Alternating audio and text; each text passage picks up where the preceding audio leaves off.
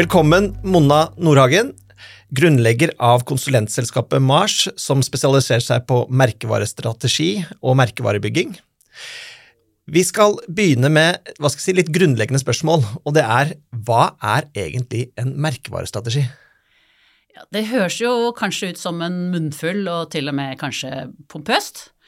Men det er ganske enkelt. Og en uh, guru innenfor innenfor strategi, unnskyld, uh, han har et en sånn herlig begrep om at en strategi er det minste settet av beslutninger som gir retning til alle andre beslutninger. Og det er jo en sånn veldig bra utgangspunkt, eh, tenker jeg. Og det betyr jo da at en merkevarestrategi, det er det minste sett av beslutninger som gir retning til alle andre beslutninger for merkevaren. Og det betyr i praksis å svare på de helt grunnleggende tingene. F.eks. hvilken kategori merkevaren befinner seg i, hvordan den skal posisjonere seg relativt sett til konkurrenter eller andre eh, valg for de som skal velge den. Eh, men en payoff, det er det jo ikke. ikke sant? Eh, samtidig, hvordan skal folk kunne identifisere eller kjenne igjen merkevaren? Det er eh, strategiske valg. Men f.eks. selve det visuelle uttrykket, det er det ikke. Har du noen eksempler på dette? Ja, f.eks. når VIPS gikk fra å være DNBs grønne eh, VIPS til å bli oransje, så var jo det en konsekvens av en strategisk valg eh, om å bli hele Norges VIPS og eid av alle bankene, og ikke bare DNB. Så den nye profilen eh, det kom som en konsekvens av et strategisk valg, men var ikke strategisk i seg selv. Men eh, en merkevare, f.eks. da VIPS, den har jo ikke blitt en sterk merkevare bare fordi den er oransje. Eller navnet VIPS for den saks skyld. Ja, nei, det er akkurat det som er uh, poenget. Uh, VIPS er blitt en av Norges mest likte merkevarer fordi det var de som lærte hele Norge å betale folk via mobilen og bruke mobilnummer istedenfor nettbanken, hvor du også måtte vite hva kontonummeret til den du skulle betale var. Og så har de fortsatt å gi oss nye, gode tjenester eh, fra den kanten, og dermed så er VIPS også et godt eksempel på hva som er eh, merkevarens viktigste jobb i vår tid. For de fleste tenker jo på merkevarer som et, sånt, et sett av assosiasjoner, altså hva tenker du når du tenker på VIPS? Eh, men det å være gjenkjennbar og likt, sånn at merkevaren blir foretrukket, det er viktig, men eh, ikke lenger det aller, aller viktigste som eh, en merkevare kan bidra med. Eh, og der syns vi den franske merkevareguruen Jean-Noël Capferé har et veldig godt poeng når han sier at eh, det er ikke tilstrekkelig å være eller eie noe i folks hoder. Merkevarens styrke ligger i hva den får oss til å gjøre. Så hans definisjon av en merkevare eh, som et navn med kraft til å påvirke, det blir, eh, syns vi, når vi jobber med merkevarer, er et superspennende springbrett til å tenke nettopp strategisk. Altså hva er det denne dette navnet med kraft til å påvirke vil påvirke. Hva, skal vi gjøre noe annet? Skal vi mene noen ting? Skal vi handle på andre måter? Aksepterer vi et nytt prispunkt? Skal vi redde verden? Altså kort sagt, hva er det denne merkevaren skal bidra til? Ja, for det er jo en, en føring som jo skal føre til en eller annen handling eller en eller annen konsekvens. Ja, det er akkurat det som er, er poenget. Vi øh, Eh, vi sier, eller eh, en sånn metafor som kan passe, det er sånn skal du være kork på vannet. Ikke sant? Sånn handler denne eh, konkurransen da om at jeg tar en stemme fra deg, eller du går inn og kjøper Pepsi istedenfor Cola. Eller handler det om å være vind på havet, dvs. Si at du vil påvirke omgivelsene dine, eller liksom på et eller annet vis aktivt forme fremtiden. Så Oatly er et eksempel på det siste. De eh, ville ikke akseptere havremelkens rolle som eh, melkeerstatning for folk som ikke tålte melk, da, men eh, turte å gå rett i strupen på hele den store melkekategorien. Så nå finner du jo knapt en kaffebar som ikke har havremelk. Ikke lenger alltid Oatly. Konkurrentene har jo nå lansert sine egne merkevarer, men gjennom den jobben som Oatly har gjort, så har de blitt markedsleder, og det å drikke havremelk er noe som alle kan gjøre av sine grunner. Men det hender jo jeg møter noen eh, folk og ledere, i hvert fall i mindre virksomheter, som jo lurer på liksom Er det sånn at alle trenger egentlig merkeværstrategi? Trenger vi det? ja, ja. sier vi.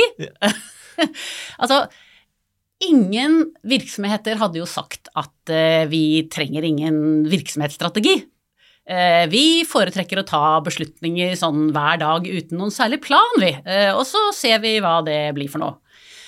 Så noe av vitsen med å ha en strategi er jo det å ha et bilde av hva man ønsker å oppnå, og hvordan man vil komme dit. Det er jo liksom hele strategiens vesen, å ta igjen dette minste sett av valg som man tror er de liksom grunnleggende for å komme dit.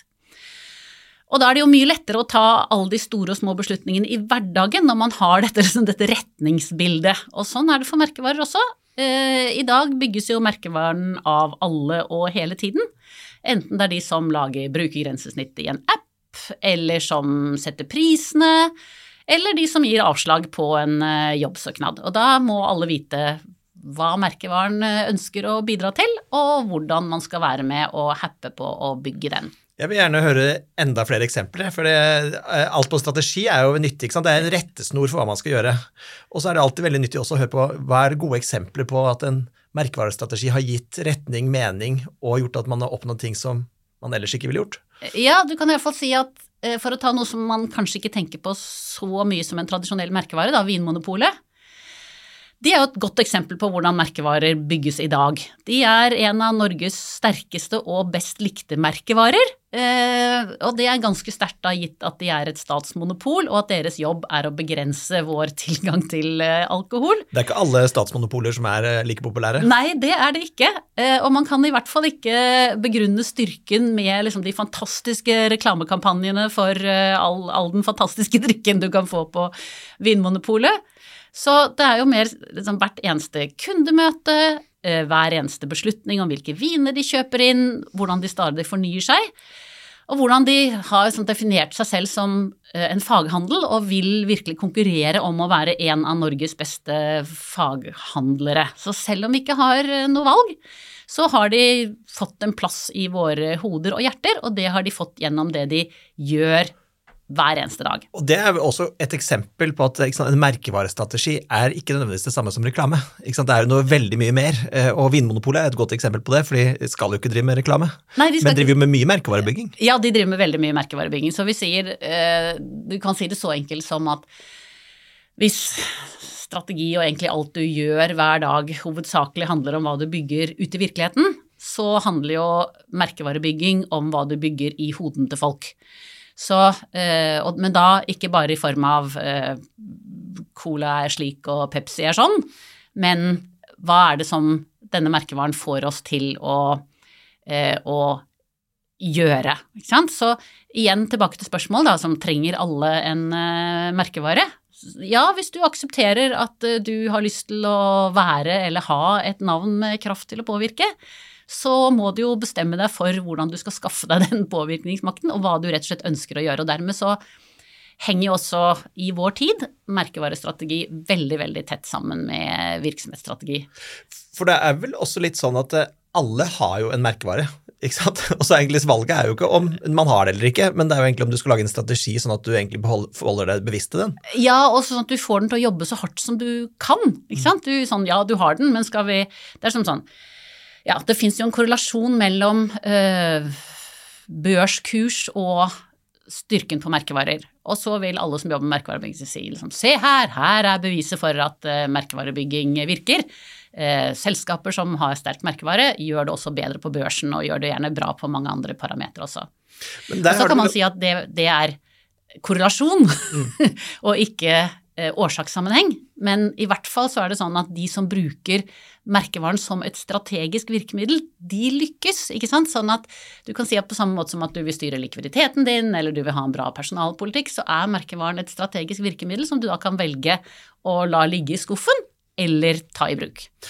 Og man skjønner jo egentlig at veldig mange kategorier så er det veldig nær sammenheng, eller de er jo integrert, merkevarestrategi og forretningsstrategi. Og så er det vel når man kommer litt eh, i andre typer markeder, så er kanskje ikke den uh, sammenhengen for mange like åpenbar som type Coca-Cola, hvor det er helt åpenbart, eller McDonald's. Uh, men når man driver en mindre bedrift som er leverandør til en eller annen virksomhet, så er det ofte, opplever jeg, litt mindre åpenbart for dem.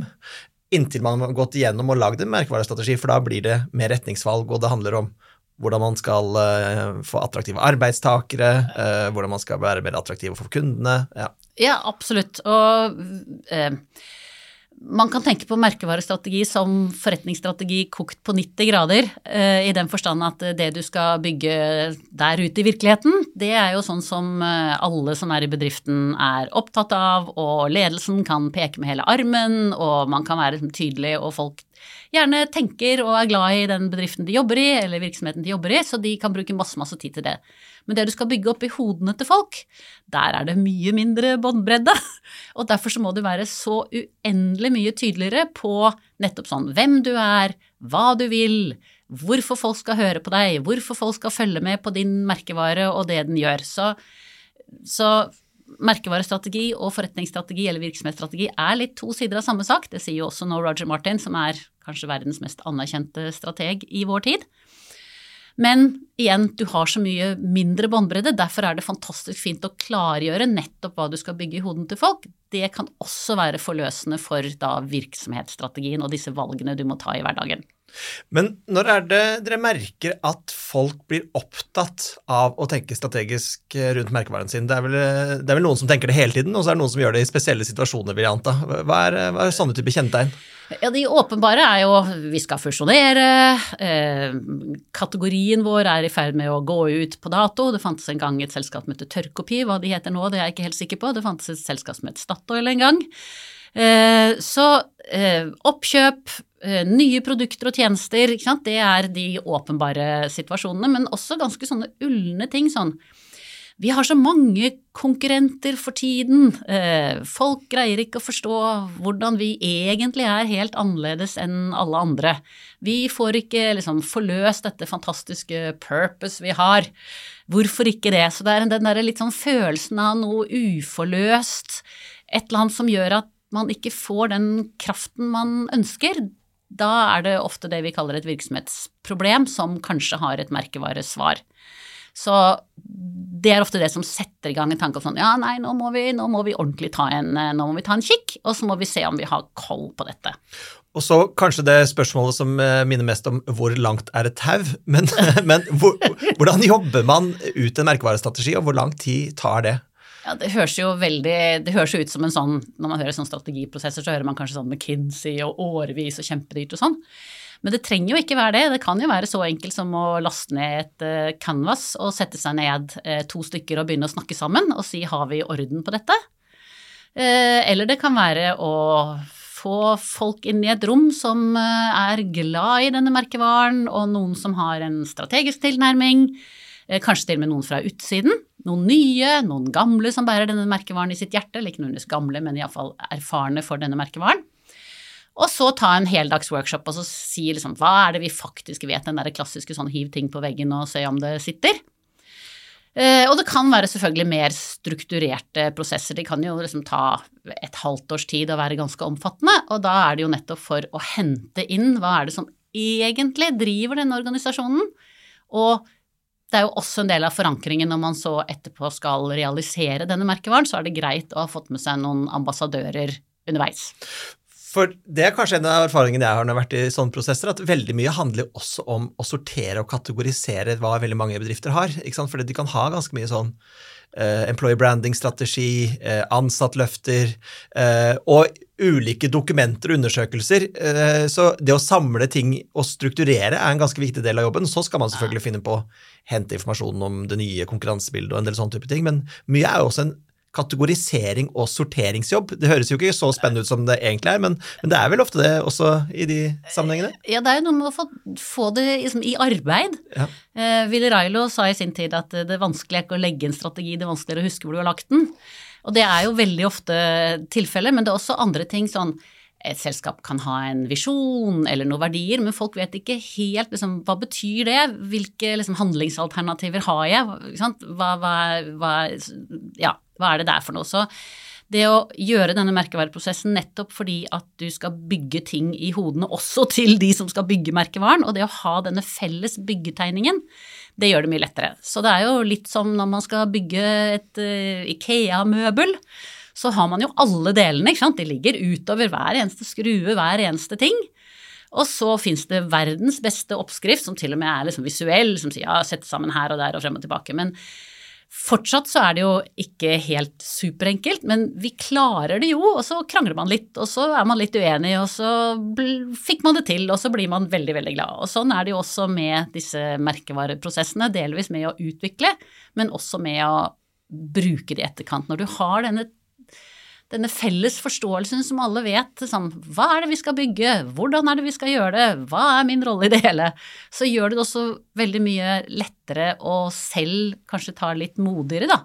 Og litt sånn spissere beslutninger, fordi at man vet at jeg er med å bygge, men det er sannelig alle andre også.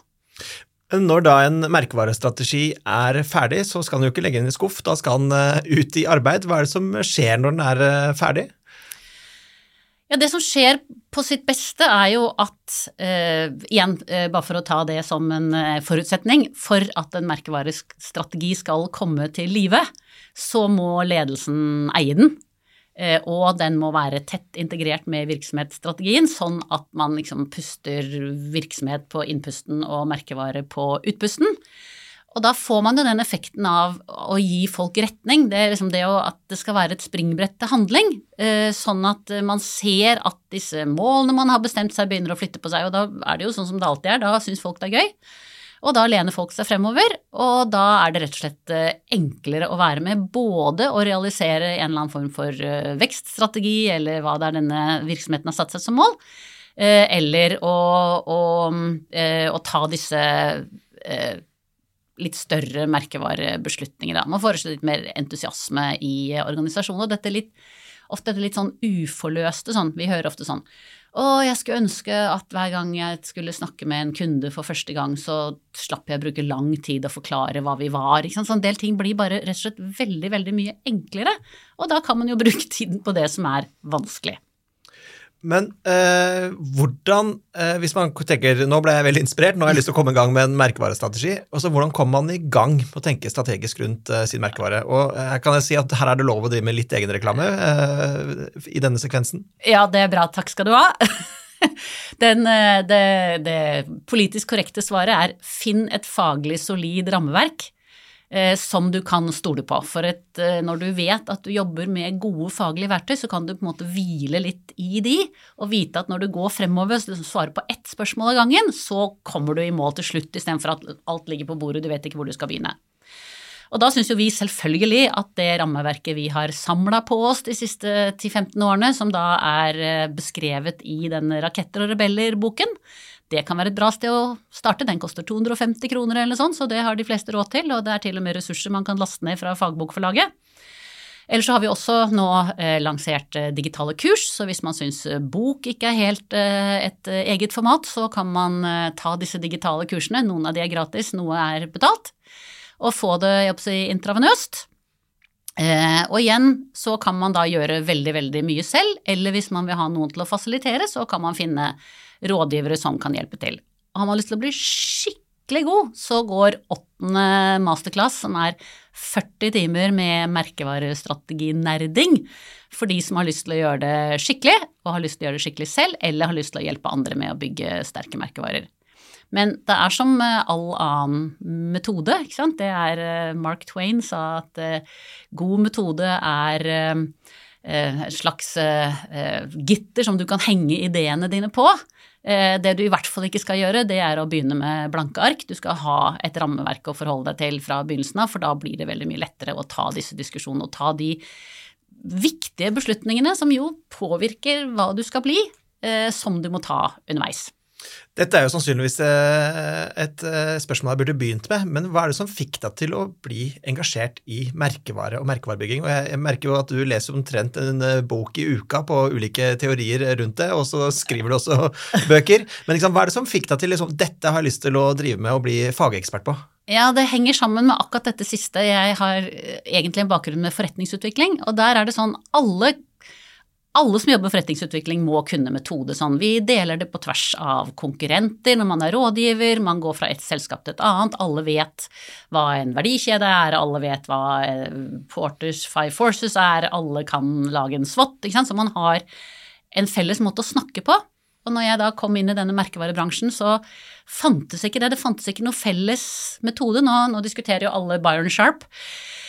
Uh, og har Brands Grow. Jeg, og det, er liksom, det, er fint, men jeg skulle ønske at, uh, at, folk hadde flere verktøy da, som de kan bruke. For det gjør Altså, IQ-en vår øker med mange poeng når vi kan bruke gode tankeverktøy å jobbe med. Så det er, det er det jeg brenner for og har brent for de siste 20 årene. Det er nettopp det, liksom, ikke bare å være en god merkevarestrateg, det har jeg også lyst til å gjøre, men først og fremst det der med å dele disse, disse fantastiske verktøyene som gjør at ting blir så mye lettere. Og det mobiliserer det i retning Det blir liksom dette springbrettet for handling da, som vi alle egentlig ønsker oss. Tusen takk for at du kom, Mona Nordhagen.